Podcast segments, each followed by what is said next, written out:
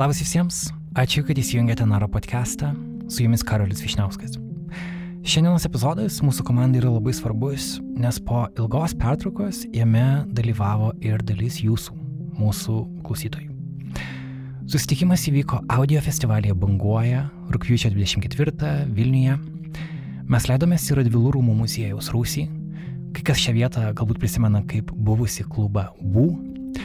Ten jūsų laukia kėdės ir mikrofonai, visi mes buvom arti vieni kitų, visi kiek prisibijojome vieni kitų, bet galiausiai pradėjome mėgautis šitą bendrą erdvę. Įrašo tema buvo nesaugumas. Mano akimis tai yra vienas skirtinių jausmų apibrėžiantis Lietuvos visuomenę šiandien. Nesaugumas gyvenant antrais Rusijos karo Ukrainoje metais, nesaugumas žinant, kad į Baltarusiją planuojama dislokuoti branduolinį ginklą, nesaugumas matant dėl infliacijos augančias kainas. Taip pat nesaugumas žinant, kad šių metų Liepa buvo karščiausias kada nors Žemėje užfiksuotas mėnuo. Turint visą tai omenyje, kaip veikti, kaip matyti ateitį, kaip nebūti paralyžiuotiems. Aš šios klausimus keliu asmeniškai savo ir žinau, kad nesu vienas. Ir toks mąstymas buvo šito mūsų susitikimo pagrindas. Įrašą, kurį girdėsite, galima skirstyti į dvi dalis. Pirmojoje kalbėjome su į renginį pakviestais pašnekovais. Tai buvo psichologas, profesorius, suicidologijos tyrimų centro Vilniaus universitete vadovas Paulius Skruibis. Taip pat University College London dėstytoja ir Vilniaus universiteto TSPMI mokslininkė stažuotoja, NAR autorė Gražina Bielūsova ir taip pat antropologė Oksfordo universiteto doktorantė Beatričė Juškaitė. O antrojoje dalyje girdėjome klausytojų perspektyvą Gražinai, Pauliui ir Beatričiai atliepiant ją. Taigi, nesaugumas, Nara įrašas banguoja audio festivalyje, rūpiučio 24 diena. Gero klausimo.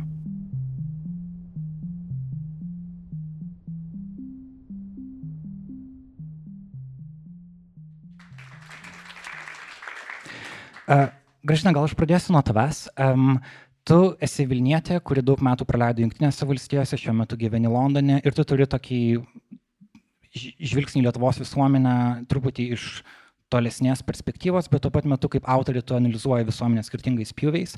Um, dabar tu grįžai į Lietuvą daryti savo TSPMI tyrimo. Uh, ką, kaip tu apibūdintum būseną, kokią tu čia ją radai? Ačiū už klausimą, Karoli. Į, jį atsakyti iš tikrųjų yra ne vienprasmiška. Bet aš norėčiau galbūt paliesti tokį momentą, kurį mes dažnai, um, nesakyčiau, kad ignoruojame, bet galbūt norime nustumti į šoną. Aš galvoju, kad kai mes kalbame apie nesaugumą ir kaip tai paliečia visuomenę Lietuvoje, viena iš dalykų, kurį mes uh, neįtraukiame galbūt į tas diskusijas, tai yra, kad mes atsinešame nesaugumo jausmą tą netgi egzistencinį nesaugumo pajutimą ne tik tai iš savo pačių gyvenimiškos patirties, mes jį atsinešame per kartas. Tai yra, kad mes gyvename su tuo nesaugumo jausmu, kurį paveldėjome iš savo tėvų, ar ne, aš galvoju apie savo tėvų kartą ir tą nesaugumą, kurį jie išgyveno tiek Sovietų sąjungoje, ar ne, kuri saugumą sukurdavo nesaugumą, tiek stebėdami perversmą, nes be abejo, kai virto komunistinė santvarka, kai virto Sovietų sąjunga, niekas negalėjo tiksliai numatyti to. Ir aš galvoju, ką reiškia auginti vaikus tokioje visuomenėje, ką reiškia išnaviguoti kažkaip tai besikeičiančias darbo rinkos sąlygas, ką reiškia išnaviguoti visas tas politinės peripetijas, kai tas, kas vieną dieną yra draugas, kitą dieną gali būti priešas. Bet kitas dalykas yra, mes atsinešame ir savo senelių, ypatingai jeigu mūsų seneliai aktyviai dalyvavo mūsų auginime, bet net jeigu ir ne, ar ne, tas nesaugumo jausmas antro pasaulinio karo, pirmo pasaulinio karo, Rusijos imperinės santvarkos, visų tų perversmų, jis tebe gyvena mūsų visuomenė atminimuose, kolektyvinėje sąmonėje, mūsų kultūrinėje atmintyje. Ir čia galbūt aš norėčiau šiek tiek atsigręžti, sakykime, į tuos uh, tyrimus, kurias darė, pavyzdžiui, Dinutė Gailienė, ar ne, knygoje, ką jie mums padarė, kuri labai gražiai analizuoja iš tikrųjų, kaip ta kolektyvinė trauma ir neliečia būtent sovietmetį, bet mes tą galėtume taikyti iš tikrųjų keletui kartų ir atgal, iš tikrųjų formuoja mus kaip visuomenę. Tad sakykime, dabar, kai mes išgyvename tą nesaugumo jausmą, mes ne tik šio momento, ne tik savo išgyvename nesaugumo jausmą, bet ir tų kartų, kurios gyveno prieš mus.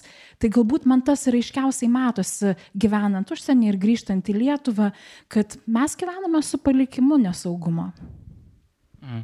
Uh, Pauliau, kai mes uh, kalbam apie šitą jausmą, reikia suprasti, apie ką tiksliai mes kalbam. Ir dėl to man buvo labai svarbu psichologinė perspektyva.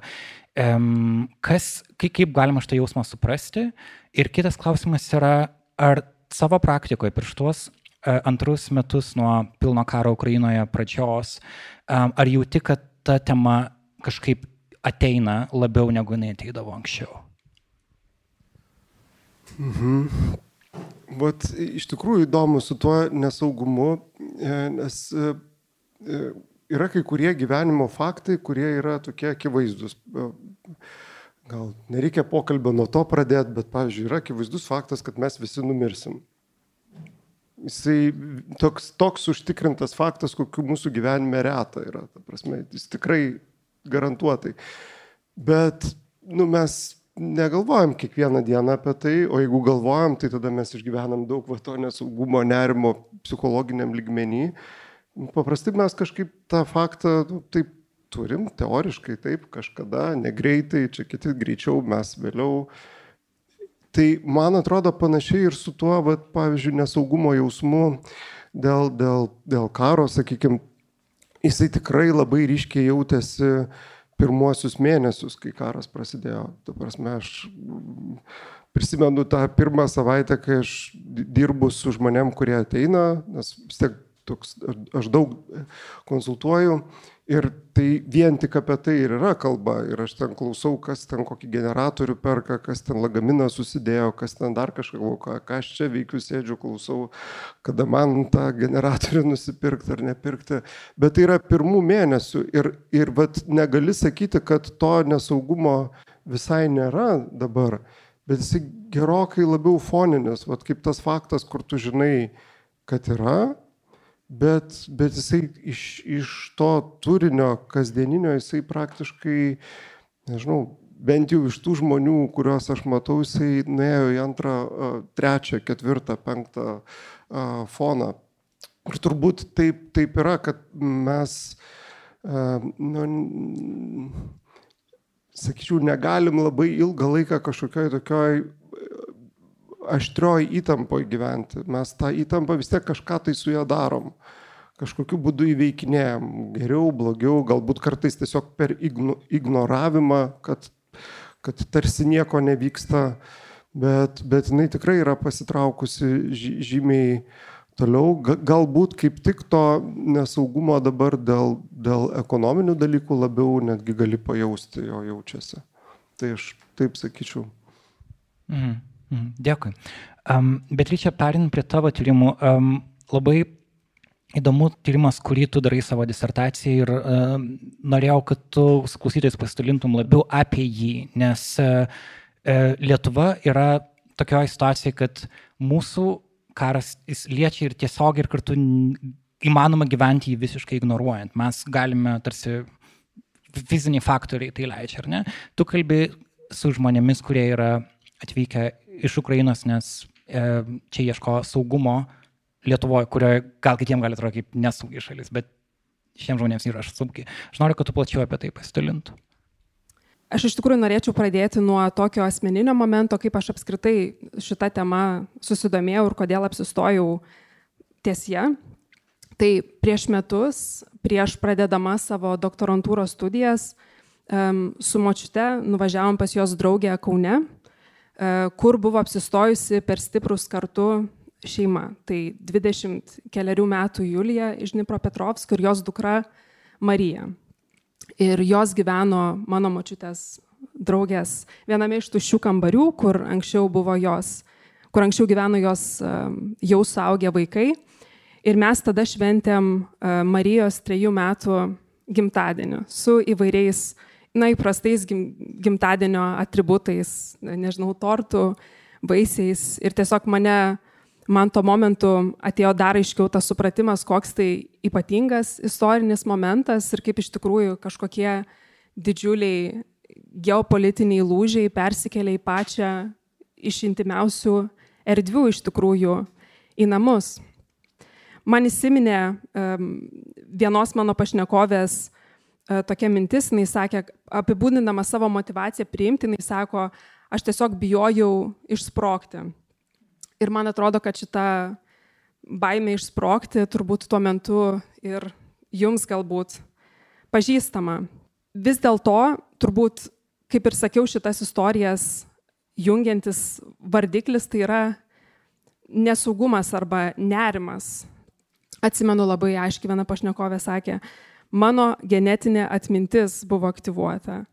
Ir tai yra labai stiprus pasakymas, tai suponuoja, kad istoriniai įvykiai, nors ir jos pačios negyventi, yra tarsi jos savastis, tarsi instinktas leidžiantis žinoti, kaip reikėtų elgtis kasdienybei ir politiniai realybei. Ir sakydama nerimas kaip būdėjimas, aš iš tikrųjų galvojau, kaip jį geriausiai apibūdinti ir kodėl man tokį įspūdį tie pokalbiai sukūrė, ką reiškia tas nerimas kaip būdėjimas. Aš galvoju apie Kamiu romano Maras pabaigą, kur Maras, Maras jau yra įveiktas ir miestas tarsi pradeda, tarsi pradeda džiaugtis Ir daktaras Rie, romano protagonistas, jis neskuba to daryti, sakydamas, perfrazuosiu, kad maro bacilos niekada nemiršta. Tai galim suprasti kaip grėsmės ir neišnyks visam laikui, kad jos gali metų metus nausti baldose, knygų lentynose ir tada sugrįžta į laimingą miestą. Ir man pasirodė, kad šitie žodžiai ne tik apibūdina jausmą, kurį išsakė mano pašnekovai, bet turbūt ir, ir tokį, nežinau, galbūt daugelio žmonių Lietuvoje, kaip jie patiria savo ir savo valstybės vietą pasaulyje. Dėkui, Beatričia. Um, aš prisimenu, prieš porą mėnesių darėme interviu vienai temai ir ten režisierius Tadas Montrimas, auksinio scenos kryžiaus laureatas, jis taip sakė, kad prasidėjus karui ir dabar grėsint brandolinių ginklų perdir, pe, perdislokavimui į Baltarusiją, man labai sunku susikaupti ir dirbti, jau nekalbu apie kūrybą. Kyla egzistencinis klausimas, kam ta kūryba. Ir e, man ta perspektyva pasirodė artima ir įdomu, ką Pauliu tu sakai, kad da, tarsi žmonės Lietuvoje išgyveno tą e, tokį pirmąjį šoką ir ta tema paskui tarsi pastraukė į antrą planą. Aš pats kaip žurnalistas e, grįžau į Vilnių sausio mėnesį po studijų e, Junktinėse valstijose ir tarsi pats bandau prisivyti tą laiką ir vis tarsi nesuspėju. Ir atrodo, kad žmonės skirtinguose etapuose to yra. Ir tada kyla klausimai, ką tu tikrai, ką tavo profesija gali daryti, na, kokia tavo nauda visuomeniai šituo etapu, kuris yra pasikeitęs nuo to, kame tu gyvenai seniau. Ir e, mes visi kažkaip turim savo tai atsakyti. Tai man, aš noriu jūsų paklausti, kaip jūs tą savo rolę matot um, ir kaip, kaip, kaip kurti, kaip daryti, kai, kai tu žinai, kad yra daug nekontroliuojamų dalykų ir kad tavo ta veikla galbūt iš tikrųjų neturi didelės prasmės ir tai yra už tavo kontrolės ribų. Aš dažnai taip jaučiuosi ir tai, tai duoda tokį paralyžiaus efektą, iš kurio reikia kažkaip išeiti. Um.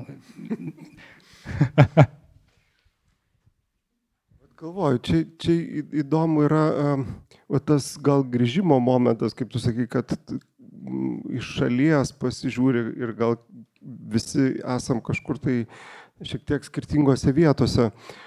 Aš taip prisipažinsiu, kad aš tiesą sakant, asmeniškai tai neišgyvenu, va kažkokio, va šitam karo fone beprasmybės, tokio vat, veiklos beprasmybės jausmo. Galvoju, kodėl ir, ir nėra tokio iš karto atsakymo paranka. Ir šiaip aš galvoju, vat, mes iš to nesaugumo temos kalbam ir ne, ne, nebejotinai egzistuoja, bet yra vat, vis tiek dar kitas toks ligmuo, bet genetinė atmintis, kaž, kažkas tai sakė, ne, kad genetinė atmintis susižadino. Vis tiek, kai bendrauju, pavyzdžiui, ir su ukrainiečiais, tai jie labai tą jaučia, kad e, mums nereikia aiškinti dalykų, nereikia papasakoti, kas čia vyksta, kas čia teisus, įrodyti, kodėl čia verta kovoti, kodėl neužtektų tiesiog atiduoti žemę, taigi čia tik žemė ir panašiai. Ir, ir vat, man atrodo, vis tiek tas aktyvumo ligmuo visais pavydalais, tiek piniginė parama, tiek prieimimu žmonių gyventi, arba, pavyzdžiui, aš e, su kolegomis tą tarptautinėse konferencijose jaučiu, kad e, mes kartais galim būti tais tokiais e, ambasadoriais, kurie mm, taip, ir konkrečiai vieną renginį, ten Europos psichologų kongresą turiu omeny, kur mes galim kai kuriuos dalykus tarsi ne, už ukrainiečius pasakyti, bet kai kuriuos dalykus pasakyti, kuriem gal patiem keblų pasakyti. Pavyzdžiui, pa, paaiškinti kažkam tai iš Italijos, kad nėra gera idėja dabar ieškoti susi, susikalbėjimo su, su kolegomis Rusijoje. Bet dėl tam tikrų priežasčių tai nėra gera idėja ir galbūt patiem ukrainiečiam tą, tą sudėtingiau pasakyti kartais yra, nes nu, jie labai paveikti to.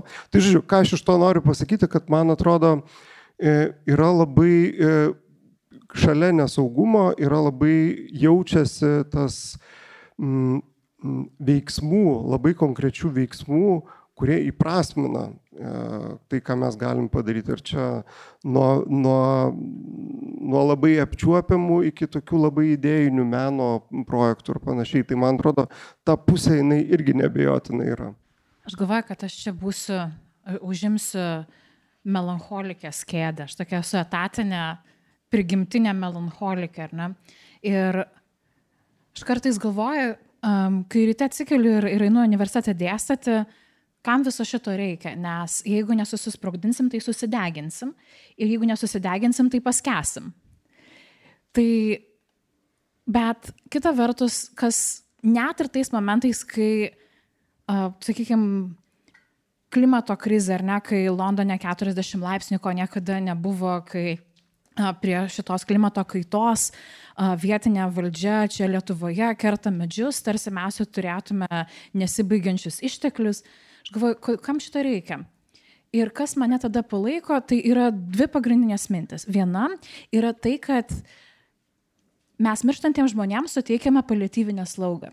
Tai reiškia, kad jeigu šita, net jeigu šitas pasaulis eina, taip sakant, visiško susinaikinimo keliu, mes esame skolingi vieni kitiems gerumą, nuoširdumą, rūpestį, padėjimą atrasti prasme, dar kažką. Tai kad net jeigu mes gyvenam paskutinės dienas, mes vis tiek esam vieni kitiem ir šitam pasauliu šitą skolingi.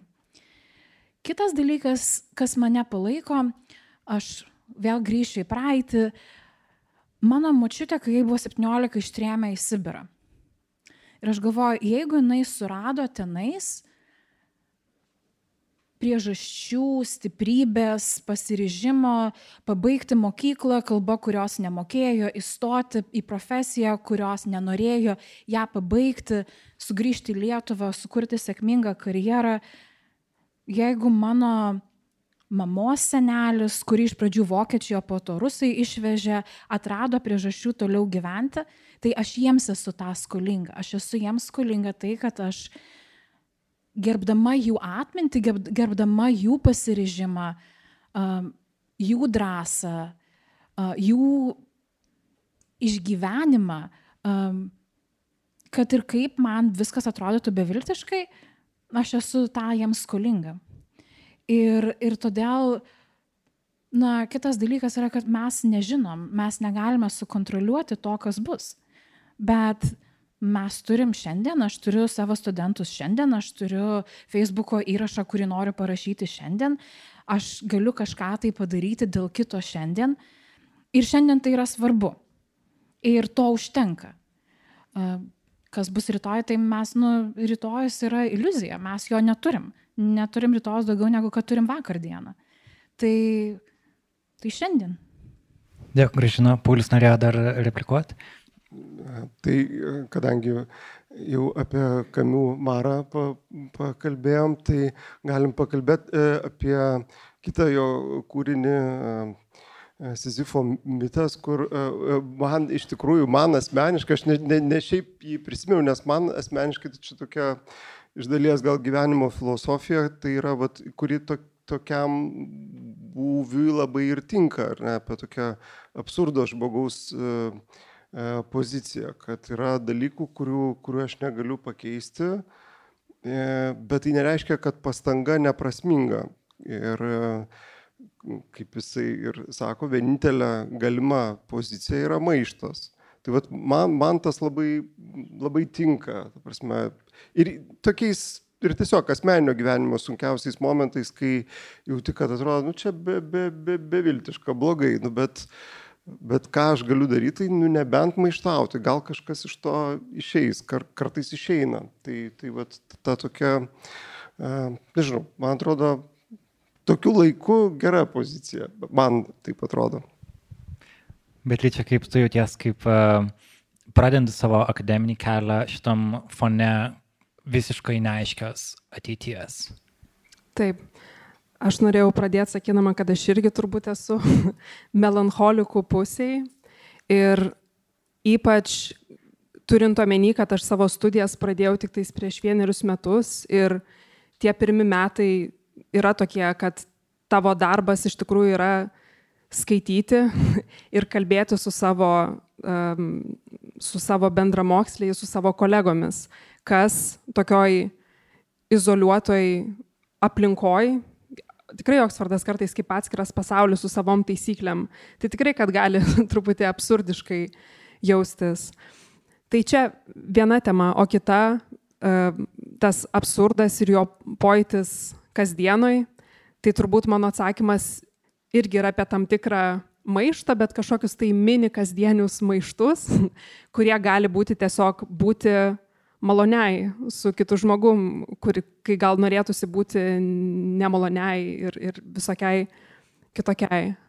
Tai vad, aš irgi visada pagalvoju, ką aš turiu šalia savęs, tai turiu žmonės, savo artimuosius, savo draugus ir kažkaip turiu pasistengti būti geriausia šitoj sferoj, nes temperatūros pati nenumušiu, net jeigu ir pasirinksiu, e, nežinau, e, nevalgyti mėsos ir visur važinėti dviračiu, tai bus prasminga, bet tai yra individualūs veiksmai, reikia kažkokių kolektyvinių. Tai vad.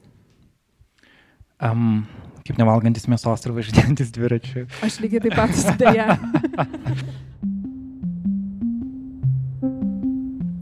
Prieš perinant prie klausytojų dalies mūsų įraše, aš noriu paprašyti jūsų, jeigu esate su Nara podcastu, jeigu klausote mūsų, prisijungite prie mūsų Contribui platformos. Ten mes renkame finansinę paramą podcastui ir taip pat šis jūsų prisidėjimas atneša savus pliusus. Pavyzdžiui, kiekvieną prisijungusį narį mes pakviečiame į uždarą Facebook grupę ir taip pat norime daugiau rengti tokių renginių, koks buvo banguoja ribose, tai yra, kur mes gyvai sustinkame ir kalbamės ir palaikom betarpišką ryšį. Adresas tai padaryti yra contribui.com/nara. Dar kartą contribui.com/nara. Ačiū visiems tai padariusiems, o dabar grįžtame į įrašą.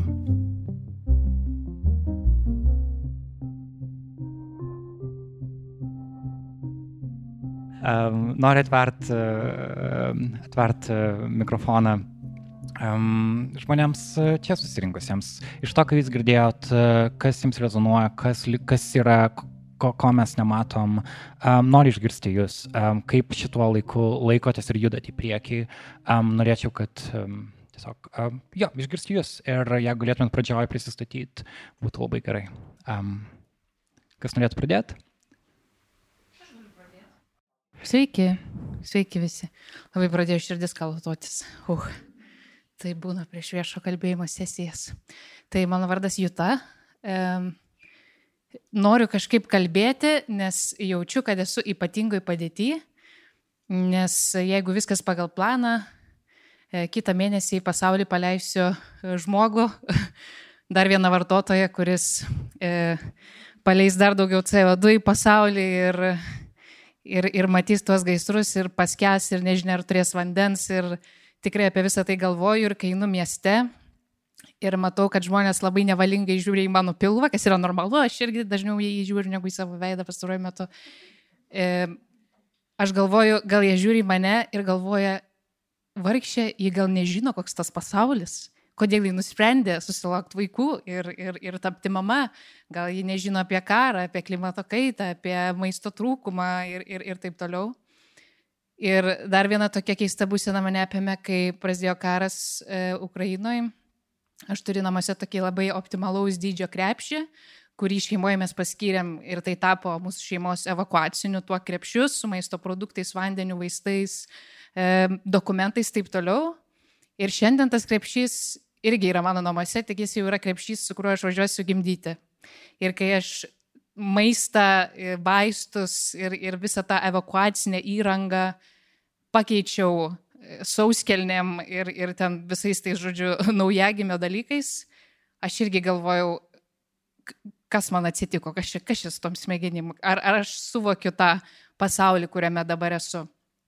E, kita vertus, mane iš tikrųjų labai gelbėjo pasikeitęs hormoninis fonas, nes aš jaučiuosi kaip niekada rami ir, ir, ir labai atsipalaidavus ir man atrodo, kad pasaulis nuostabus, bet aišku, kitą mėnesį ko gero visą tai pasikeis.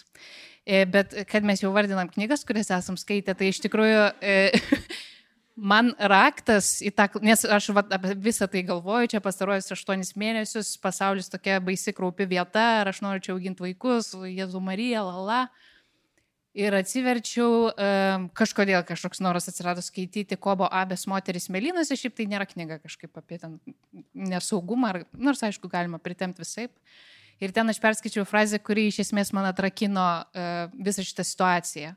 E, tiksliai nepacituosiu, bet jos esmė yra tokia, kad kai pasaulis atrodo labai beprasmiškas, nenuspėjamas, kažkoks chaotiškas ir, ir tu va kaip su tuo smėliu kovoji ir nieko negali padaryti, e, tavo kompasas, jo centras tampa namai, tampa tavo labai labai maža ta visata, e, kas yra tavo šeima iš esmės. Ir man tai tapo atsakymu, kad ko gero šitam baisiam chaose, E, dar ko gero svarbu paminėti, kad aš dirbau irgi labai ilgai žurnalistinį darbą ir visą laiką buvau naujienų sraute, tai to chaoso nenormaliai daug galvoj, kiek tu daug žinai apie viską ir kiek daug sėki.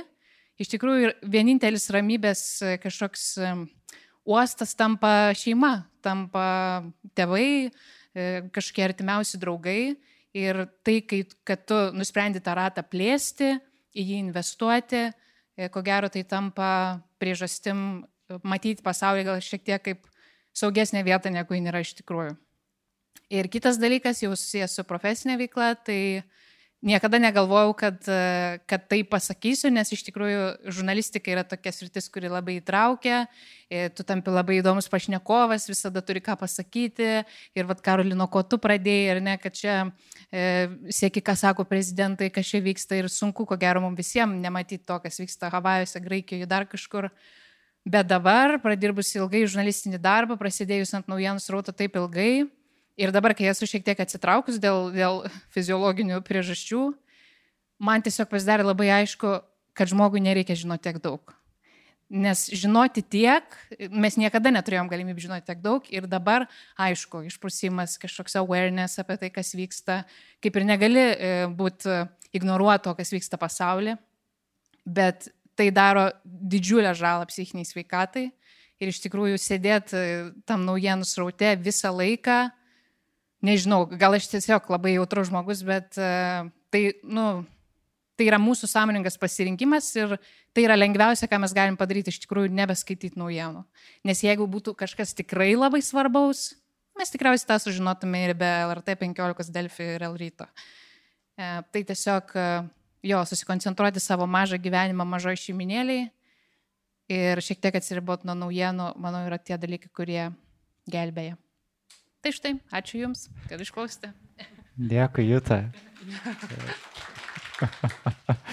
um, pagalvokit, kas, kas norėtų, aš prisiminiau, kaip uh, gražina mes, kai buvom su tavim susitikę privačiai, tu paminėjai vieną smagą frazę į šitą kontekstą, kai Jūta kalbėjo. Ar tu žinai, apie ką aš kalbu, ar ne? Uh, my desire. Gali tą pasakyti mikrofoną? Jo, man atrodo, kad aš, aš tą frazę atsimenu, ar ne, kad mano noras būti informuotai yra radikaliai priešingas mano norui išlaikyti sveiką protą. Taip, taip, um, ok, kas, uh, kas norėtų tęsti pokalbį? Dabar aš jaudinsiuos. Bet vis... A, puiku. E, taip, tai dėkui, labai taip daug minčių iš tikrųjų kyla. Galima bet... prisistatyti pradžią? Taip, taip. Tai aš Vainius, nėra klausytojas il, ilga metis. Um, tai va, um, man kelios, beklausant šiaip daug refleksijų kilo, bet pasidalinsiu gal keliom tik tai. Tai viena yra, yra tokios konfliktiškos dvi mintys kad lyg ir mes kartais mėgstam sakyti, kad gyvenam aukso amžyje tam tikram ir pas negeriausiais laikais, taip niekad nėra dar buvę, bet tuo pačiu ir kalbam apie tas tokias nuojautas ir nesaugumo ir atrodo lyg artėjančių daug baugių dalykų.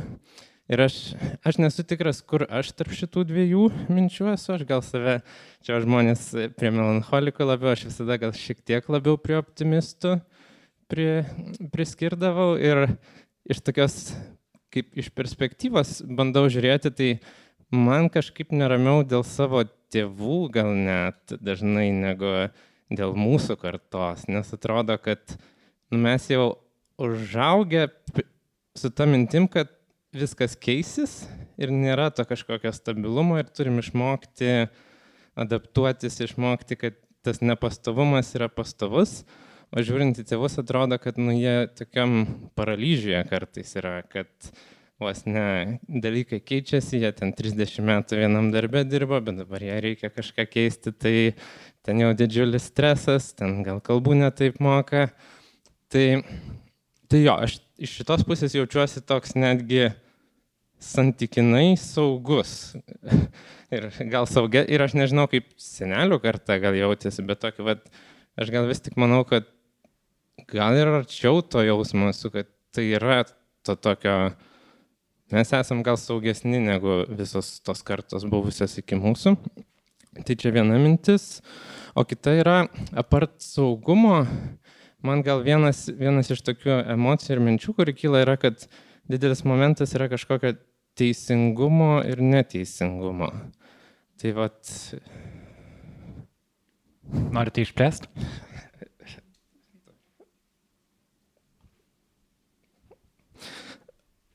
Kažkaip jautru. Aha, viskas ok. Um, Tiesiog jo, karas atrodo ne tik, kad nesaugumą sukuria, bet kažkokį tokį labai tamsų matymą, koks blogis gali egzistuoti ir jis, nežinau, kažkokį... Aš jaučiu, kad saugumas ir nesaugumas pilnai neapriepia to jausmo ir yra kažkas, kažkas daugiau. Taip. Dėkui, Vainiu. Pauliu norės reaguoti. Aš uh, apie tą, man, man aš kai jau į, į, į čia galvojau, kad visą laiką yra tokia kebli man, kebli palyginimo tema, vat, ten mes e, dažnai tokį kokią nors ten tyrimą turim, ten suomiai laimingiausi, ten lietuviai nelaimingiausi, ar ten atvirkščiai. Ir visi tie palyginimai labai, nu, labai riboti dėl to, kad uh, nuo žodžio priklauso, ką ten suomiškai ta laimė reiškia, ką ten lietuviškai ir ten ką čia mes lyginam, sunku suprast. Ir tie laikmečių, vat, man labai taip užvedė ant tos minties, aš prisiminiau, kai, kai jūs kalbėjot, kad kai aš skaičiau tokią e, psichoterapeuto, egzistencialisto Rolo May knygą The Meaning of Anxiety. Ir aš tą skaitau knygą, jinai 20-ojo amžiaus vidury parašyta. Ir jis ten argumentuoja, dėl ko tuo metu tai yra nerimo amžius, kad niekada iki šiol tiek nerimo ne, nebuvo. Ir aš tai galvoju, nu okei, okay, kaip ir labai įtikinamai jisai rašo, kita vertus jisai negyveno nei XIX, nei XVIII amžiui. Ir dabar jeigu aš taip paskaityčiau turbūt tos argumentus, dėl ko čia to nerimo tiek daug dabar, tai čia, sakytume, 21 amžius yra nerimo amžius, o ne 20. Bet vat, man tie visi palyginimai ar čia blogiausias laikas, ar, ar geriausias, tokie labai, labai riboti atrodo. Nu, ir, žodžiu, nežinau, ką daugiau apie tai pasakyti. Manau, Vainis užgrebė labai gerą momentą dėl pokyčių, kuriuos išgyveno tėvų karta. Aš atsimenu, kai ėmėm interviu iš Irenos Vysaitės, jis sakė, kad jai pinigai iš esmės nieko nereiškia, nes jis tiek išgyveno tų pinigų netekimo vertės nuo rublio iki ten vagnorkių, iki lito, iki euro. Tarsi, kad ir skirtingos sistemos, um, tarsi, vien perimas iš Sovietų sąjungos į nepriklausomą Lietuvą yra turbūt mūsų kartai nesuvokiamas dalykas. Tai dėl to, pavyzdžiui, net šitą diskusiją ruoždamas, visą laiką dalis, dalyje mano galvos yra toks, ar aš tiesiog kažkoks pri privilegijuotas šiknius, kuris nesugeba net su šitiem mažais, mažom problemėlėm palyginti, susitvarkyti, bet tada kita vertus kiekvienai kartai yra savi, savi reikalai. Tai um, jo, gražinu norės reaguoti. Jo, aš iš tikrųjų klausydama Vainiaus ir klausydama tavęs, Karoli, maščiau apie tai, kad uh, gerai, sakykime, grįžtam atgal, kurį dešimtmetį mes pasirinktume? Kuris dešimtmetis iš tikrųjų buvo lengvesnis? Galbūt yra dešimtmetis, kurį mes galėtume tapatinti su savo vaikystė arba su savo paauglystė, kai mums gyvenimas atrodė paprastesnis, laimingesnis ir taip toliau. Bet iš tikrųjų, globaliai žiūrint, nu, paimkim vien 20 amžių, mes galėtume į dešimtmečiais, mes galėtume į penkmečiais su, suraikyti. Niekada nebuvo to, sakykime, saugumo kažkokio tai, ar ne, niekada nebuvo užtikrintumo.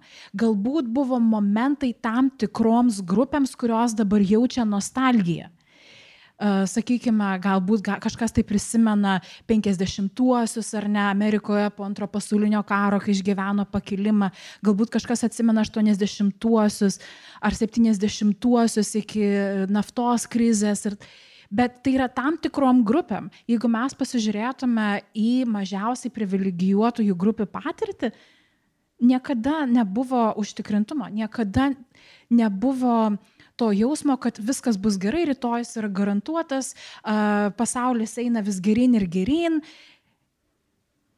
O jeigu atsirasdavo tokios užuominos, jos labai greitai sistemiškai, politiškai būdavo sutrypiamos. Ir, ir iš tikrųjų, nu, mes, mes, kaip tu sakai, ne, gyvename su savo našta, mes gyvename su savo dešimtmečių nerimu, mes gyvename su savo dešimtmečių užduotimis. Tai um, Tai jo, galbūt ir, ir geriausi, ir blogiausi dešimtmečiai, kuriuos mes gyvename vienu metu. Dėkui, Grįžina. Um, kas norėtų tęsti? Taip, vienas vienas. Margarita, e, ištikima nara klausytoja. Tai e, labai trumpa tik tai mintis, nenoriu ilgai vinioti, bet man kas labiausiai šitoj diskusijoje įstrigo netikėtai, e, tai kad buvo iš tos nerimo temos išviniota prasmės paieškų tema. Ar ne? Kad e, prasmė, kai jeigu tu ją randi šitoj sunkioje situacijoje, kada nerimas kamuoja, kada kažkokios mintis kyla, kam aš visą tai darau, jeigu pavyksta savo rasti motivacijos ir atsakymo, kaip ten, tarkim, gražinai vienoks ateina, čia žmogus vaiko susilauks irgi susitelkia į savo asmeninius potyrius, tai tada ta prasme jinai tampa kaip priešnodis nuo nerimo, ar ne, kad tai yra kaip receptas, jeigu pavyksta, pavyksta atsiriboti nuo tų minčių, uh, kaip čia išspręsti globalias pasaulio problemas, nes tu vienas vis tiek jų neišspręsi, ar ne? Tai jeigu mes susitelkiam į kažką mažo ir surandam prasme ir atsakymą, tai tada nu, pavyksta nerimą įveikti. Tai tiesiog nežinau, ką to noriu pasakyti, bet sakau, kad man įstrigo šitas palyginimas ir, ir, ir šitos mintis. Dėkui. Um, dar kažkas? Aha, reakcijas, taip. Tiesiog tokią min, mintį užvedėt, nes uh, Aš e, dirbu ir su keliais žmonėm iš Ukrainos, ir, ir, ir, kurie gyvena Ukrainoje šiuo metu, ne, ne Lietuvoje, Ukrainoje. Ir viena moteris tokia, nu labai, bet apie tai, man atrodo, e, sako, iki tol, kol prasidėjo karas, aš gyvenau labai gerą gyvenimą. Jisai buvo labai komfortiškas, aš gerai finansiškai, prasmingas, man patinkantis darbas, nusistovėjusi rutina, aš tiesiog, nu, taip kaip aš norėjau gyventi, tik tais tiek, kad aš pradėjau jausti, kad kažkaip, nu, kaž, kažkokia čia vat rutina, kažko čia trūksta. Ir Sako, kai prasidėjo karas, visa tai sugriuvo, aš nebeturiu namų, nebeturiu užtikrinto pragyvenimo, bet kažkoks toks gyvybės jausmas, jisai pasidarė žymiai sti, stipresnis. Ir tikrai vat, jos atvirumas tam gyvenimui, nežinau, ryšiam su kitais žmonėm, kažkokiem žingsniam labai svarbiem joms gyvenime tikrai labai padidėjo. Tas nepalengvino to gyvenimo nei, nei trupučio, nekalbant apie tą grėsmę tiesiog fizišką, kad ten Kijeve tiesiog vyksta ap, ap, apšaudimai, nuo kurių tu turi slėptis ir panašiai, bet ir pats tas didesnis atvirumas e, gyvenimui jisai tas emocinės supuoklės žymiai ryškesnės padarė. Ta prasme, kartais yra gerai, bet kartais yra labai sunku ir labai blogai. Tai man atrodo, va, tas nerimas iš, iš tikrųjų turi ir kitą pusę, kad kai, kai mes realiau pamatom, koks yra gyvenimas, kad jis yra baigtinis, kad prasmės klausimai nėra, nėra savaime suprantami, kad nieks negali pasakyti, kaip teisingai gyventi, tai yra tavo vienokie ar kitokie pasirinkimai, man atrodo, mes tada taip ryškiau ir aiškiau pamatom, apie ką jis apskritai yra, nes kartais gali va, paskesti kažkokiam tam uh, kažkokiuose nesminiuose labai dalykuose, toj, toj kasdienybei. Tai jisai tikrai nėra vien, vien neigiamas, ta, ta prasme. Dėkui, Beatričia. Taip, čia tiktų pridėti istoriją iš savo interviu, kurią ką tik prisiminiau. Tai e, dariau um, interviu su viena moterim Lietuve, kuri buvo priemusi pas save vyresnio amžiaus ukrainietį ir jos vis dar gyvena kartu. Tai ukrainietį virš 80 perots metų ir tas jų gyvenimas kartu kaip ir neturi jokios, uh, jokio, nežinau, deadline numatyto. Ir um, pirmiausia, aš kalbėjau su ta lietuvė, kuri pasą priėmė vėliau tą močiutę ukrainietį iš savo kambarį ir pradėjau savo istoriją pasakot. Ir jinai truputį kitais žodžiais, bet labai panašų dalyką pasakė, man tai yra patys blogiausi iš laikų, bet kažkuria prasme ir geri laikai. Patys blogiausi dėl akivaizdžių priežasčių, dėl to, kad jinai paliko savo namus ir prarado labai e, savo ankstesnį gyvenimą bet kažkuria net keista, taip sakyti, prasme geriausia.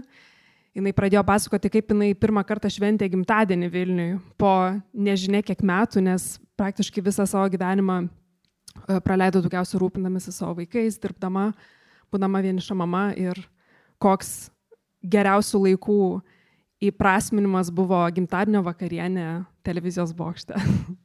tai va.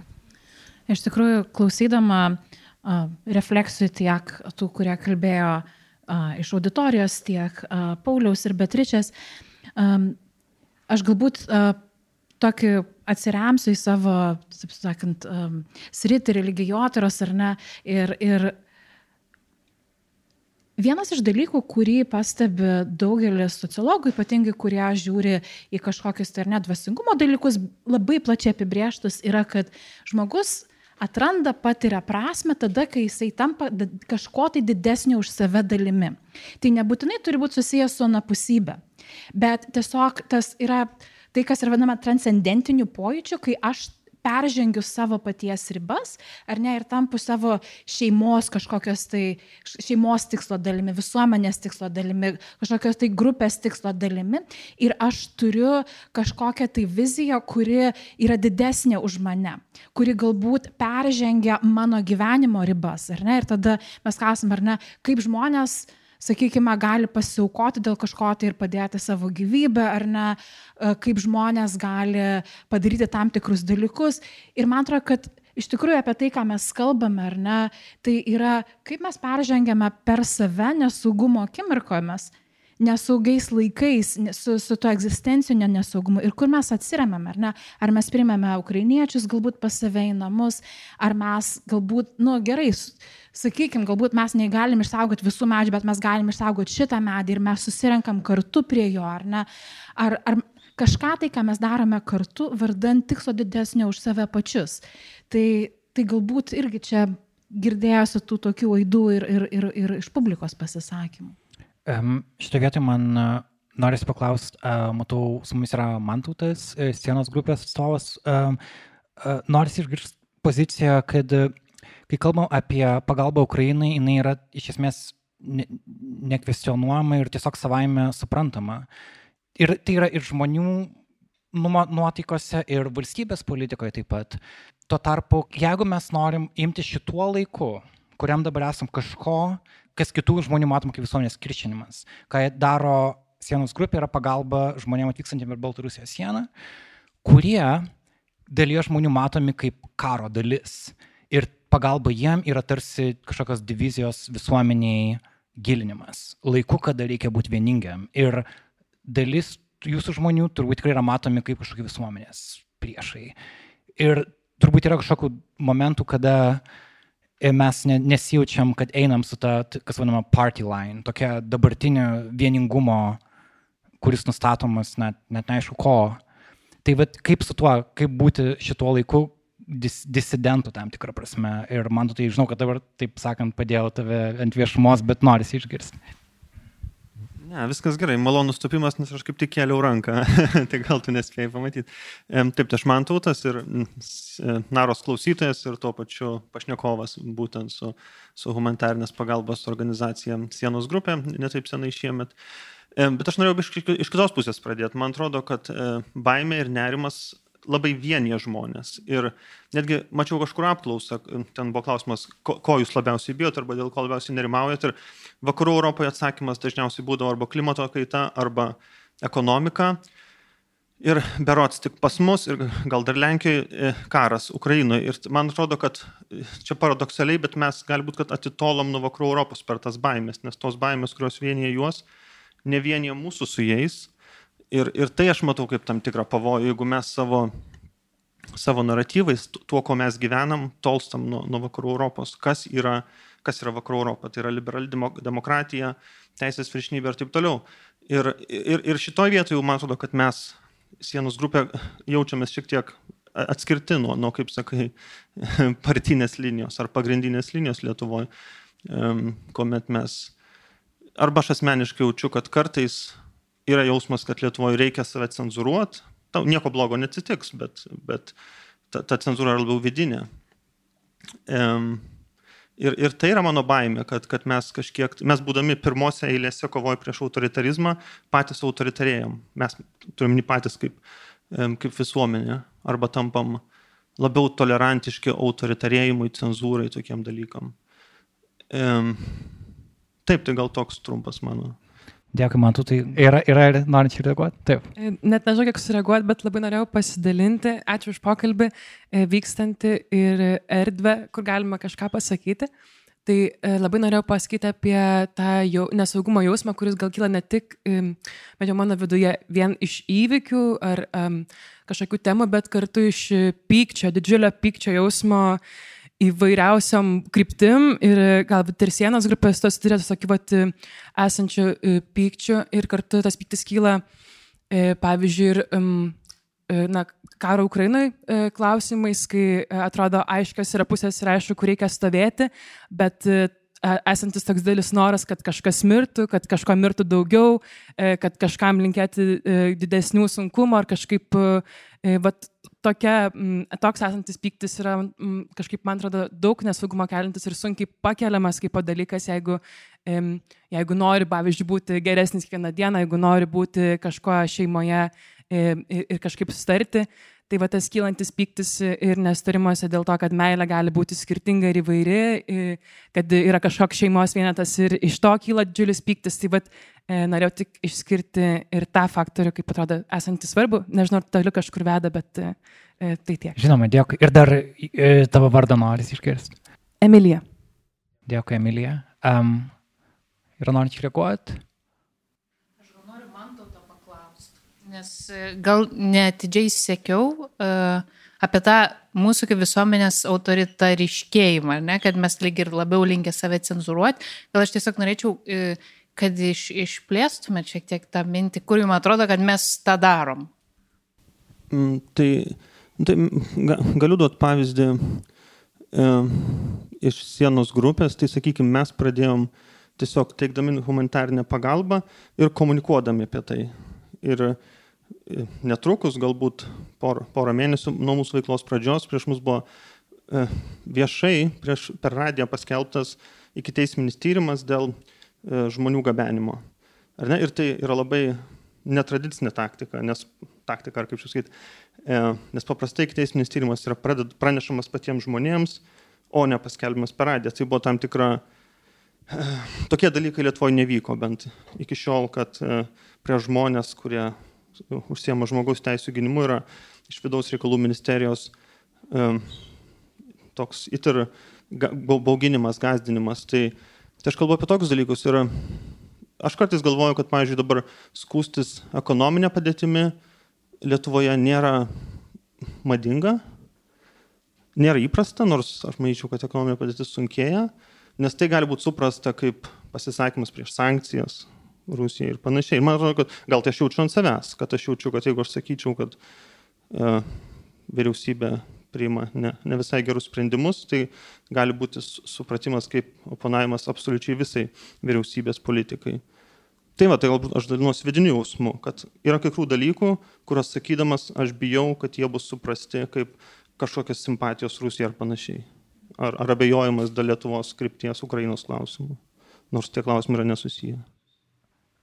Gražina, mes, kai kalbėjomės prieš tą susitikimą, tu minėjai, kad Londone yra didžiulis kalbėjimas apie infliaciją kaip pagrindinė tema. Ir tave nustebino, kad Lietuvoje, Lietuvoje infliacija e, gruodį siekia, bros, netgi 20 procentų, šiuo metu, kaip minėjau, siekia apie 10 procentų, jinai mažėja, bet vis dar yra didelė, kad, bet kad tai tarsi nėra tema ir galima suprasti, kad tai, na, nėra pagrindinė tema, bet galbūt yra ir to, ką Mandautas sakė, kad galima sakyti, kad jeigu tu kritikuoji savo ekonominį sunkumą, na, kad tu nesi dėkingas už tai, ką turi, nes nėra taip, kad tavo namai yra šiuo metu bombarduojami. Tai, bet tai tarsi paralyžuoja patį pokalbį.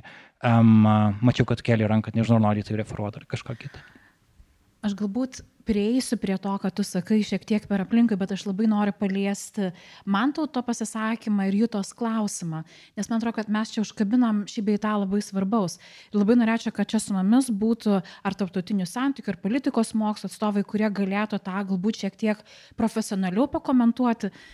Bet Vienas iš dalykų, ką mes matome, kai uh, yra šalyje paskelbiama nepaprastoji padėtis, esant dideliam nacionaliniam nesaugumui, taip tokį, kokį mes turime šiandieną, yra tai, kad yra leidžiama ir pateisinama vis daugiau priemonių, kurios įprastu metu yra neleidžiamos ir nepateisinamos, yra suteikiama daugiau galių įvairioms valstybės tarnyboms, prezidentui, Seimui ir taip toliau. Tai yra viena vertus natūralu, todėl kad reikia priimti sprendimus, kuriems įprasti ilgi procesai netinka. Tačiau kitas labai svarbus klausimas yra, kiek visuomenė priima tuos, sakykime, sprendimus, suteikti nepaprastasias galės, jų, ir kiek, iki kokios ribos galima tas priemonės naudoti, visuomenė jų nekvestionuojant. Ir kas tuo metu yra normalizuojama. Tai sakykime, aš norėčiau atsiremti tai, ką sakė Mantautas, ar ne, kiek mes galime normalizuoti žmonių, kurie yra įvardami kaip Lukašenkos kulkos, ar ne, uh, iš tikrųjų kankinimą. Ir kiek, sakykime, mes tada galime matyti kritiką kaip šitokiams priemonėms kaip išdavystę. Ar ne, kaip yra formuojamas viešasis diskursas, kai yra paskelbama nepaprastoji padėtis ir kokios yra to ilgalaikės pasiekmes. Kitas momentas yra tai, kad mes patys kaip ir nereaguojame nesaugumo sąlygomis ir čia galbūt Paulius galėtų irgi taip pat daugiau apie tai pasakyti, bet kai mes jaučiamės, ne, jaučiamės nesaugus, mes imame bražyti liniją savas svetimas. Ir tas ratas, kas yra savas, jisai tampa vis tampresnis ir tampresnis. Ir tada yra klausimas, kam galima suteikti svetingumą, ką galima priimti į tą ratą, kas yra savas ir kas yra ištumiami iš to rato, kas yra matomi kaip priešai, kurie galbūt kitomis sąlygomis būtų galbūt matomi, na, sakykime, kaip įtartini, bet nebūtinai priešai taip pat kaip politikai, visuomenės veikiai atsiriame į mumise glūdinčias iš ankstinės nuostatas tam tikrų grupių klausimų, sakykime, žmonių atvykstančių iš musulmoniškos daugumos šalių. Ir kaip jos yra, jomis yra pasinaudojama, jos yra aktyvuojamos, išnaudojamos viešajame diskurse, kurstant baimės, pateisinant tam tikras priemonės ir taip toliau. Tai aš galbūt čia matyčiau tos tokius autoritorėjimo bruožus, kuriuos galbūt mes turėtume kvestionuoti ir turėti daugiau pokalbio visuomenėje, ką mes galime pateisinti, kas yra reikalinga ir kas yra perteklinis jėgos panaudojimas.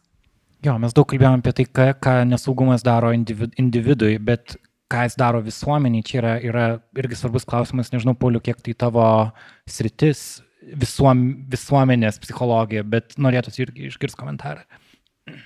Vienas iš tų dalykų, man atrodo, jis kaip ir akivaizdus yra, kad vis tiek e, juk e, kartais e, kokios nors suinteresuotos grupės nesistengia nuraminti žmonių, kad žinokit, viskas gerai, viskas gerai. Kaip tik sukelti daugiau nerimo ir nesaugumo, kad yra grėsmės. Ir mes kalbam čia ir apie realias grėsmės, bet kai kurios grėsmės gali būti kurstomos. Tai čia daug pavyzdžių nereikia ieškoti, tos, tos pačios um, pabėgėlių keliamos grėsmės ar, ar um, LGBT žmonių keliamos grėsmės, ko, kokios tik nori. Tai ir jos turi savo funkciją mo, mobilizuoti, mo, mo, mobilizuoti ne už kažką, bet mobilizuoti prieš kažką. Ir mobilizuoti prieš kažką yra žymiai paprasčiau negu už kažką mobilizuoti. Ir, ir pateisinti ir tam tikrus suvaržymus ir, ir panašiai. Ir da, dar viena mintis, tai aš va, nežinau, kiek pavyks suformuoluoti, bet man apie tą, bet svarbus tas klausimas, apie ką galima kalbėti ir apie ką ne, negalima kalbėti. Va, tarsi, ką, ką man tauta sakė, kad jeigu kalbėsiu, kad yra ekonominiai sunkumai, jau reiškia čia kažkoks nelojalumas, ar ką mes laukia šnekėjom, kad jeigu prieima žmonės pabėgėlius už Ukrainos, tai sakyti, kad šiaip tai ten ir problemų kyla, ir ten kažkas smurtauja, kažkas girtokliauja, kažkas iš viso tą karą galbūt kitaip mato ir panašiai, irgi liktai nepadoro. Kelti klausimus ten apie uh, kokius nors visuomenės suvaržymus, pavyzdžiui, ten ir COVID tuo laiku, irgi toks labai polarizuojantis ir marginalizuojantis klausimas, jeigu tu ten kažkuo abejoji, tai ką tu gal ir antivakseris iš karto esi. O, ir, nu, vat, tai tas galėjimas kalbėti ir apie nepatogius dalykus nepriimtinus, jisai iš tikrųjų, man atrodo, didelė vertybė ir, ir gali būti prarandama tokiu nesaugumo laiku, kad ne, čia ne tas laikas dabar kalbėti apie kažkokius dalykus. Taip, bet jau antri metai ir ne, ir kiek, kada tas laikas baigsis, tai, tai tas demokratijos išsaugojimas turbūt jo, svarbi, svarbi labai tema dabar. Aš pamenu su Deniu ir Indrė ir Karoliu Pilypu, kitų kolega, darėme panašų pokalbį, kai Ukrainoje buvo pilno karo metinės ir pagalvojau, kad mano žurnalistinė veikla dažnai yra tas pasikviesti žmonės ir bandyti susiprasti, kur, kur, kur, kur mes visi esame. Tai iš dalies šiandien tai irgi darom. Galbūt iš asmenės pusės galite pasidalinti, kaip jūs tęsat savo veiklą dėl ne, neaiškios ateities. Ko, ką jūs jo, kaip, kaip jūs to susigyvenat? Yra norinčiai pasidalinti? Aha. Gal ne visai klausimą atsakysiu, e, bet tiesiog gal nuo pirmų... Prisistatyti paprašysiu. A, Karolina, atsiprašau. Ar gal tiesiog nuo pirmų pokalbių minučių aš kažkaip prisiminiau vieną tokį, kur tas nesaugumas, kur aš pati tiesiog atrodo visas dienas jaučiausi nesaugiai, nors tai turėjo kelti man saugumą. Uh, tai kai buvo NATO suvažiavimas, aš gyvenu Kaune, tai nežinau iš tiesų, kaip kas dėjasi tom dienom Virliai, bet Kaune gyvenu tokiai aplink netoli ir buvo pakankamai daug skraidančių malūnsparnių kiekvieną dieną nuo 6 ryto. Ir buvo tas sekmadienis, kur atrodo pjauni žolę ir tiesiog matai, kaip jie skrenda ten palim visiškai medžius. Ir kaip ir supranti, kokia jų prasme, bet tas vidinis, kylantis kažkoks, tu matai tuos karius, tu matai jų ginklus ir kažkaip atrodo, ar tikrai turėčiau jausti saugiai, nes man tai sukelia visiškai priešingus jausmus. Nes atsikeli ryte, nes jie praskrenda, apjauni žolę, jie skrenda, gamini valgyti, jie skrenda ir kažkaip visas tas įsijungia Instagramą, toks visuotinis džiaugsmas, bet viduje jautiesi nesaugi, nes visas karo kontekstas tiesiog tau sako, kad tai turėtų būti nesaugu. Dėkui. Aha, čia komentaras.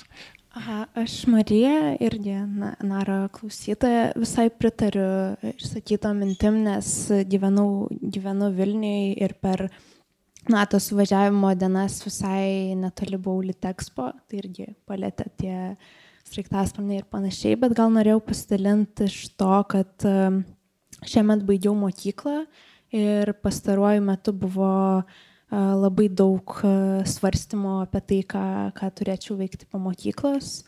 Ir iš tiesų jau anksčiau, 8-9 klasėje, pradėjus gilintis į klimato krizės problemą ir kitas kylančias krizės, tai labai veikia tai, kaip aš galvau, primdama sprendimus, o prasidėjęs karas Ukrainoje iš viso dar labiau viską sumaišė ir, ir, ir buvo nelengva, bet nežinau, nepaisant to, liko rytoj paskutinė diena ir išvyksiu studijuoti.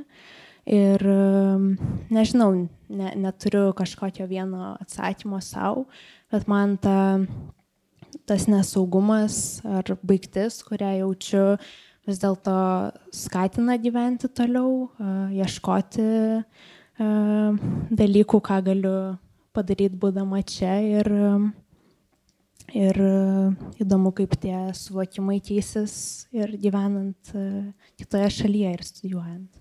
Ką nusprendai studijuoti? Socialinius mokslus Prancūzijoje. Sėkmės. Ačiū. Ir matau uh, kolegų iš žmogaus teisų centro. Um, Man norisi išgirsti komentarą. Galbūt jau pladavai išeiti. Ne, ne, šuo labai domisi koleginis.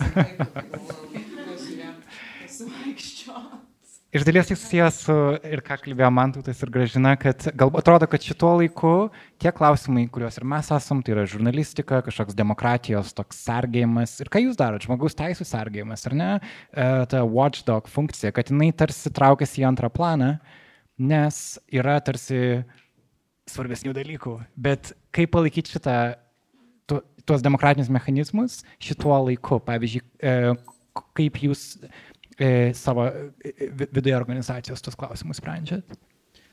Na, man čia. Irgi prisistatyti. Aš esu Paulina iš Lietuvo žmogaus teisų centro ir man čia norisi atsigręžti į mano pačios veiklas.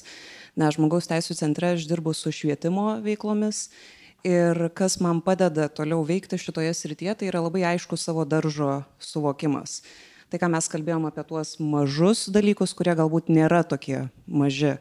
Mano pačios kovos su beprasmybė receptas yra tai, kad kiekvieną rytą aš atsikeliu ir aš turiu pašerti šunį ir išeiti į lauką. Tai tiesiog turi įvykti mes turim vakare išeiti į lauką, nu ir vidudienį išeiti į lauką, nes aš žinau, kad jam manęs reikia, tai tas galbūt reikalingumo jausmas, tas naudingumo jausmas yra geras priešnodis beprasmybei. Ir e, man būtent dirbant žmogaus teisų srityje, Tai irgi yra vienas iš atsakymų raktų į tai, nes jeigu mes mąstysime didelėmis kategorijomis, mąstysime, kad mūsų rolė yra išgelbėti žmogaus teisų diskursą Lietuvoje, būti, nežinau, kažkaip įnešti ant savo pečių, na tai tu tiesiog, man atrodo, paskesi ganėtinai greitai, nes yra galybė veiksnių, kurie yra už mūsų jėgų ir na, nesinori to mesianizmo komplekso turėti, kad va, aš ateisiu ir viską išgelbėsiu. Ir man atrodo, tai yra vienas iš perdėgymo tiek simptomų, tiek iš gerų receptų perdėgymų, jausti, kad aš ateisiu ir išgelbėsiu. Ir būtent žiūrint į savo pačios veiklą, aš pagrindę veikiu su mokyklomis, veikiu su mokyklomis regionuose ir vedu workshopus, vedu paskaitas apie lyčių lygybės temas, apie smurto prevencijos temas ir apie žmogaus teisų temas. Ir man tas nuvykimas ir susitikimas su mokiniais ir jausmas, kad galbūt po tos valandos, po tų dviejų valandų, po to šešių mėnesių projekto kažkas toje mokykloje bus geriau, kažkas jausis saugiau, kažkas, nu, tas tiesiog tas jausmas tos idėjos plis, man tai yra atsakymas, dėl ko aš keliuosi ir tada pašeriu šunį ir einu į ofisą. Tačiau jeigu aš atsikelčiau kiekvieną rytą ir aš sakyčiau, šiandien aš išgelbėsiu žmogaus teisės, nu tada aš neatsikelčiau iš lovos. Bet jeigu aš atsikeliu ir sakau, šiandien mes parašysime raštą, šiandien mes duosime interviu, šiandien aš nuvažiuosiu į laukuvą ir pravesiu paskaitą, tada aš galiu judėti toliau. Po vieną žingsnį. One day at a time. Ja. Uh, ok, paskutinė proga kažkam dar pasakyti? Ok, tada grįžtu prie mūsų pašnekovų. Um, tiesiog norisi refleksijų iš to, ką išgirdot, galbūt kažkas jūs nustebino ir kažkokį, taip, kažkokį receptą, kaip judėti priekį, nes tie dalykai, kuriuos mes kalbėjom, uh, karas Ukrainai, ekonominiai neiškumai, klimato krizė, uh, COVID, neaišku, kur pasislėpti. Visą tai, visa tai liks. Um, kaip mes judame į priekį to fone ir ką galbūt keičiam, lyginant su, nežinau, 2018 metais, 2019, kur, kur, kur mes turėtume savo fokusą kaip visuomenė dėti, kad, um, jo, kad iš, išbūtėm iš tą laiką. Gražina, noriu nuo tavęs pradėti. Aš galbūt pradėdama šitą refleksiją norėčiau apversti mūsų temą ir klausimą aukštinkojam. Ir Aš galvoju, tais momentais, kai mes galvome, kad va čia jau turėtume jausti saugiai, mes iš tikrųjų jaučiamės nesaugiai. Ir tam tikra prasme saugumas yra iliuzija. Kad jeigu mums reikėtų išvardinti visus dalykus, dėl kurių, kuriuos mes turėtume turėti, kad jaustumėmės saugiai, iš tikrųjų mes pamatytume, kad visą tai atsiriame dažnai į kontrolę. Mes norime sukontroliuoti mes norime turėti visišką autonomiją, kaip, kaip galėtume apspręsti, kas turi veikti, bet mes to niekada neturime. Ir tam tikrą prasme tas prasmės atradimas, prasmės ieškojimas nesaugumo akivaizdoje yra susitaikymas su tuo, kad, kaip Paulina labai gražiai sakė, ar ne, mes negalime būti mesiai, mes negalime išgelbėti Maui salos, kuri sudegė, mes negalime išgelbėti Graikijos, mes galbūt negalime e, nuveikti kažko tai, kas radikaliai pakeis pasaulį, bet mes galime padaryti kažką tai. Uh, yra maži dalykėliai, kurias mes, ga, kurie, kurias mes galime sukontroliuoti ir, ir, ir per tai galbūt galime atrasti iš tikrųjų tą prasme nesaugumo akivaizdoje ir atsikratę tos saugumo iliuzijos arba priemę tik dalinio saugumo realybę, mes kažkaip tai galim tada judėti toliau. Dėkui, Gražina. Bet Lyčia, kaip, kaip atrodo tau? Mm, aš galvojau truputį apie tą vėlgi kolektyvinį registrą ir apie tai, kaip mes pasakojam apie savo vietą pasaulyje. Ir man atrodo, čia yra mm, antropologės neringos klumbytės mintis, kad mes savo pasaulį uh, nežinau, kaip Lietuva, lietuviai pasakojam, kad mes esam siena tam tikra ir jinai sako siena kaip geopolitinė siena, net civilizacinė siena ir toksai diskursas pasigirsta, ar moralinė netgi siena tarp gėrio ir blogio, kas aišku yra nu, labai kritikuotini dalykai, jinai kalba apie istoriją tiesiog, kokią mes pasakam apie save. Ir jei tai mūsų yra istorija apie savo vietą pasaulyje, tai turbūt nesaugumo jausmas yra uh, kažkuria prasme pasmerktas būti ar tai fone labiau, ar tai tam tikrais istoriniais momentais iškilti paviršių. Ir jeigu tu sematai kaip tokią sieną kažkokios nuolatinės įtampos, tai yra kažkoks nuolatinis būdėjimas irgi apie tai, kas gali būti įtartinas ir kažkoks išeiti iš savumo ribų. Ir turbūt kalbant apie ką tokiamis sąlygomis gali daryti kaip individas, tai turbūt sunku um, kažką originalesnio pasakyti negu tą Paulius prieš tai minėtą uh, maištą, maištą kaip rūpesti, nežinau, um, pagalba kitiems ir taip toliau ir panašiai. Tai pat. Dėkui, Beatričia. Um, Pauliau, kaip psichologas, ar išgirdai kažką, kas tave, kas tave galbūt nustebino ir Um, nes kaip pačioje pradžioje tu su tokia ramybė savo įžanginį žodį pasakė, aš galvoju, tai ką mes čia darom. Bet paskui e, visi melancholikai čia man patvirtina, ką mes čia darom. Kaip jauties po šitos valnos?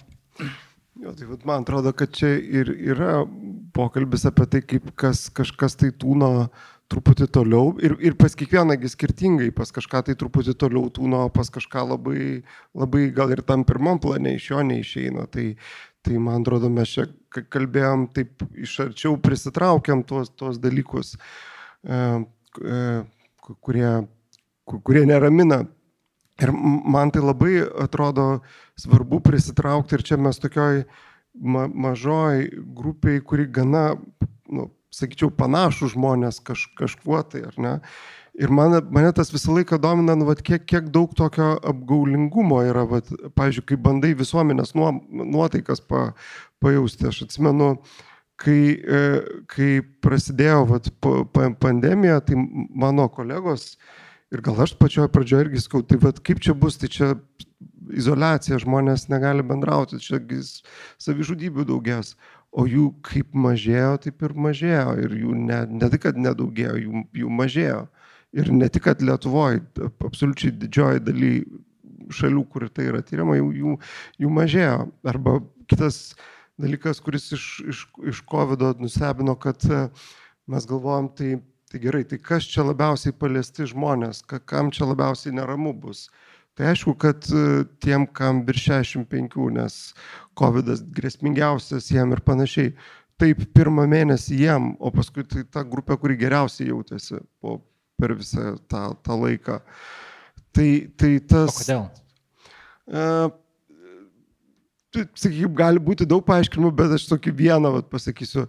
E, gal tokį, jeigu tau virš 65 ir tavo tas gyvenimo aktyvumas ir bendravimo lygis ir šiaip nėra aukštas, tai tai, kad yra kažkokie suvaržymai, tavęs nepaveikia taip, taip stipriai, kai tau yra 18 ir pagal šiaip visą raidos dėsnius, tai tai, ką tu turi daryti, tai yra tyrinėti pasaulį, mėgsti ryšius su kitais ir panašiai. Ir tai yra tie dalykai, kur tau sako, kad tai yra pavojinga ir jeigu tu tą darysi, tai tavo močiutė mirs.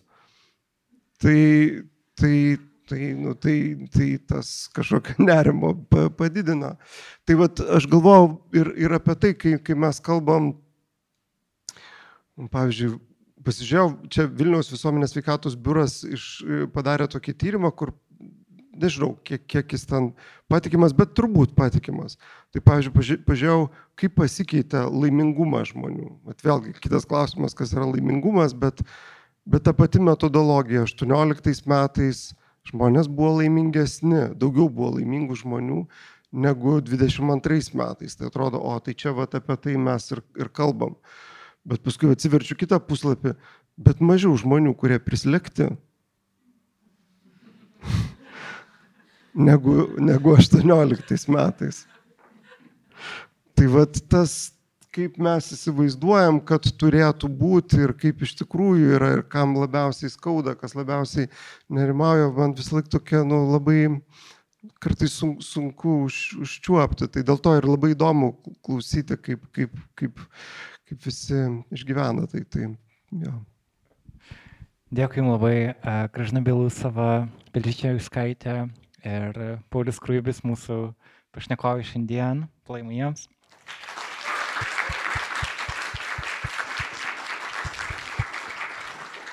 Ačiū visiems, kurie pasidalino savo mintim, pasiplom savo.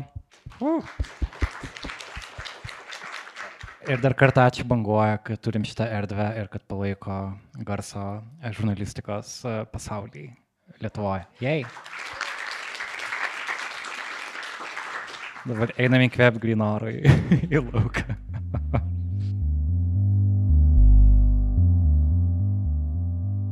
Toks mūsų epizodas šiandien. Ačiū, kad buvote kartu. Ačiū Banguoja festivalio komandai, Karolinai, Juditai, Emilijai, taip pat garsistui Jurgiai. Ačiū kolegai Adomui Zubiai, kuris įrašą redagavo. Ir ačiū nacionaliniai Martino Mašvido bibliotekai, kurios garso įrašų studijoje įrašinėjo savo balsą. Dabar garso režisierė čia yra Kata Bitoft. Jeigu norite prisidėti prie Nara žurnalistikos, contribute.com/nara toks yra adresas įrašo fotografijas pamatykite Naro Instagram'e ir taip pat Naro LT tinklalapyje. Jų autorius yra Denis Vėjas, o muzika, kurią girdite epizode, jos autorius yra Martinas Gailius. Mano vardas yra Karolis Višniauskas. Iki kito karto.